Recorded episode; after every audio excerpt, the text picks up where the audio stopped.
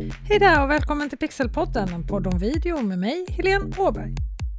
Att komma på bra idé vad du ska göra video om, det är ju inte alltid superenkelt, eller hur? Eller är du en person som spottar ur dig idéer hela tiden, som snarare har svårt att hinna genomföra alla klockrena idéer som du kommer på? Grattis till dig i så fall!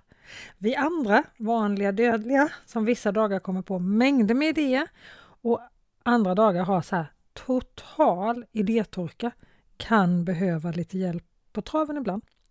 Själv har jag tre saker som jag gör när jag får totalt stopp med idéer.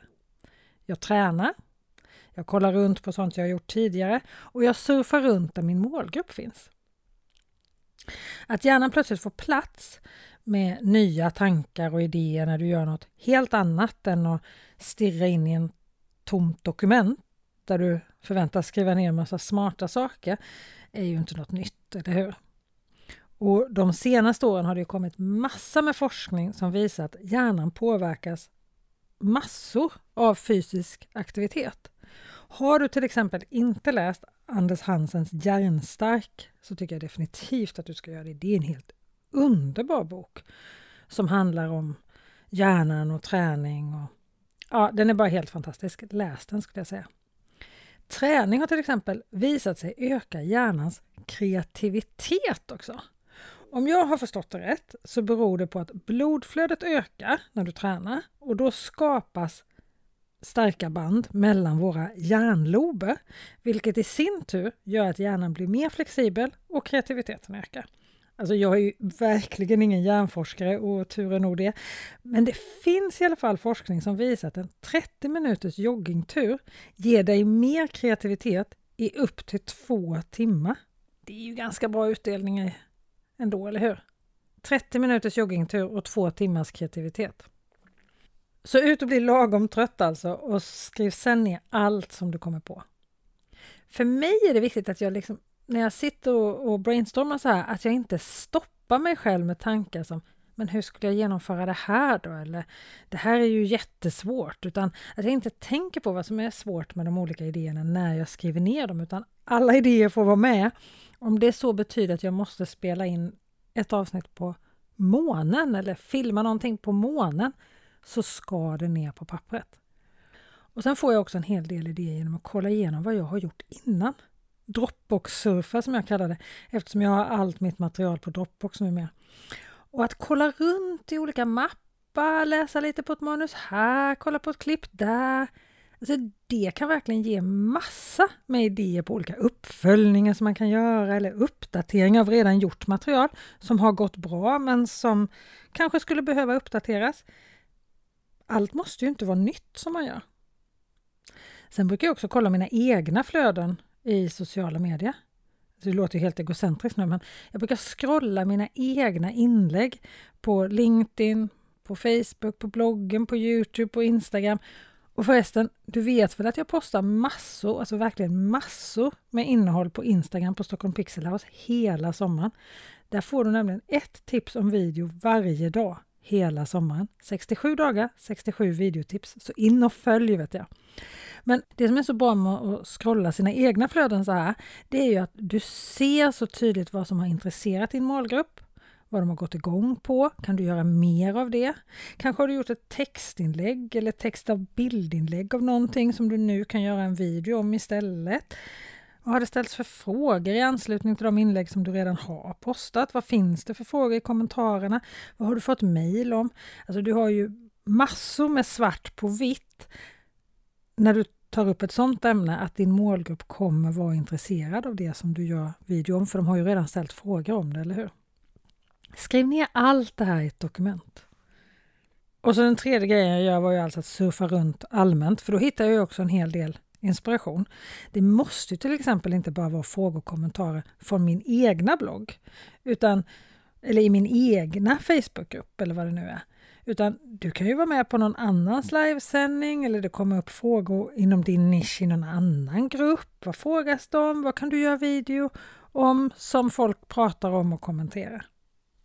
Och när jag läser på en blogg eller lyssnar på en podd, kollar på Youtube så blir jag ofta inspirerad av att skapa egna videos. Och det kan vara något helt annat, men till exempel om någon gör en video, jag såg någon så här, tre saker du inte trodde att du kunde använda potatisskalare till. Och då börjar jag fundera på så här, mm, finns det tre oväntade saker som har med video att göra på något sätt? Men att kopiera rakt av, det är bara dumt. Det kommer aldrig bli bra. Men inspirera ska du såklart göra. Men det här med att kopiera, det är ju dessutom skitirriterande när någon kopierar dig. Men samtidigt får du ju se det som ett bevis på att det du gör är galet bra grejer, eller hur? Jag har många gånger blivit kopierad rakt av av samma företag. Men när de till och med tog mina stavfel eller så här slarvfel eller vad man ska kalla det. Jag hade bytt plats på två bokstäver på ett ställe och sen råkat skriva fel bokstav mitt i ett ord på ett annat ställe. Och de skrivfelen eller stavfelen var med i deras inlägg, då kunde jag faktiskt inte låta bli att säga till. Men samtidigt så är det supersvårt att veta vad som är kopior och inte. Jag har själv blivit anklagad för att kopiera en annan person en gång. Det var skitjobbigt. Hon var förstås inte alls glad. Och jag förstår det. Samtidigt så var det texter, bilder och innehåll som jag hade redan återanvänt som hon tyckte att jag hade kopierat av henne som hon precis hade publicerat. Och det, allt sånt här är ju såklart jättekänsligt, så det är jättesvårt att veta vad som är en kopia, vad som är bara att man råkar använda samma tonalitet eller samma språk eller komma på samma idé samtidigt och så vidare. Jag har en kompis som jobbar med programutveckling och tar emot programförslag på tv och hon säger ofta att det märks att saker ligger i tiden på något sätt. För det händer så ofta att hon får in två nästan identiska programförslag på något helt nytt koncept. Det kan till och med vara samma moodboardbilder ibland som har använts för att beskriva programmet. Alltså vi är inte så unika som vi tror, eller vill tro i alla fall. Men som sagt, surfa runt, läs kommentarer, blogga, kolla på Youtube, läs artiklar och tidningar.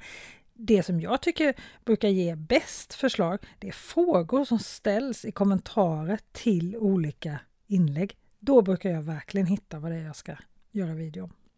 Och om du nu inte surfar runt så är det ju bara, det gäller ju bara att komma ihåg den där viktiga frågan. Vad är det som du har att berätta som är så intressant att din ideala tittare, din it-person, vill titta på en video om det? Och ja, det kan ju låta jättesvårt.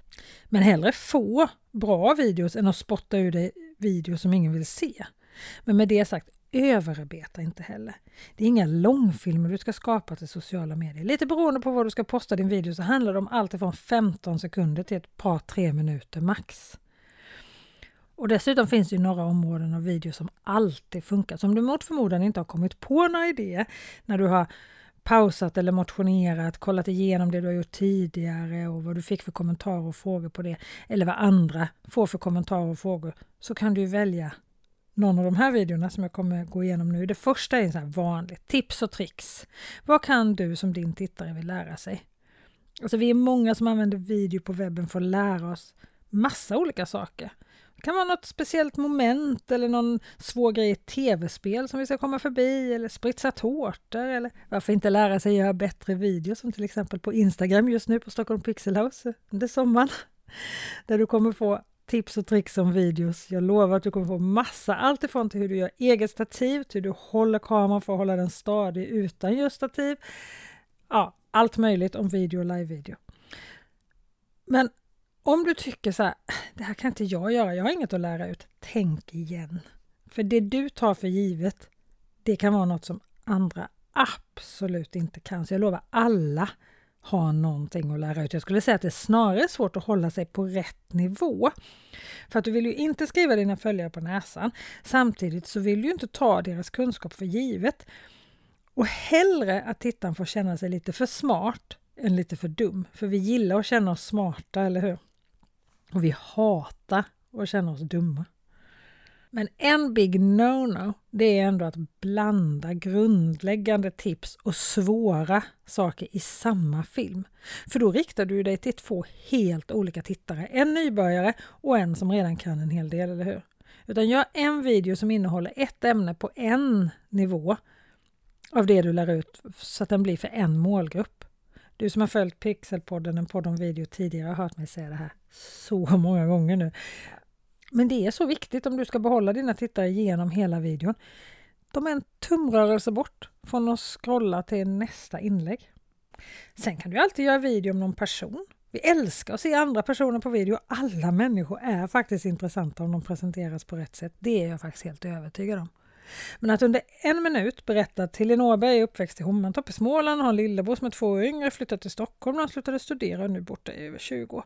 De senaste åren har Helene bott i ett hus söder om stan tillsammans med sin man Per-Erik och sina två barn. Alltså det blir ju inte så rolig video. Hur spännande bilder du än lyckas filma. Istället måste du berätta en historia. Vem är Helene? Hur är hon? Varför är det intressant för din tittare att titta på en video om just den här personen?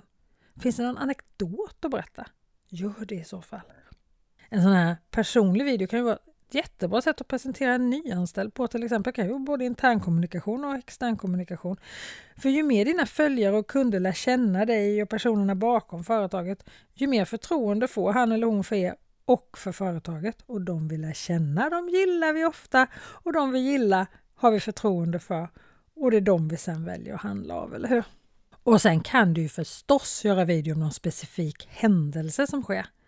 Det kan ju vara små vardagliga saker eller jättestora saker som att kungen kommer på besök. Så kolla i kalendern de närmsta veckorna. Vad händer? Lanseras det något? Kommer någon på besök som kan vara intressant för dina tittare? Det måste inte vara kungen för att det ska vara intressant, eller hur? Kanske får ni en leverans av något spännande? Alltså du fattar, det finns alltid något som du kan göra video om. Det gäller bara att hitta idéerna och det är inte alltid så bara. Men jag hoppas och tror att du har fått lite hjälp på vägen i det här avsnittet. De här olika sätten att hitta idéer har hjälpt mig många gånger när jag har kört fast. Och jag vet att det har hjälpt mina elever och mina deltagare på min webbutbildning Kommunicera med video i sociala medier och filma som proffs med din mobil att ta fram videoidéer många gånger. Så jag hoppas verkligen att det hjälper dig också. Ha det så bra så hörs vi nästa vecka. Lycka till nu! Hej då!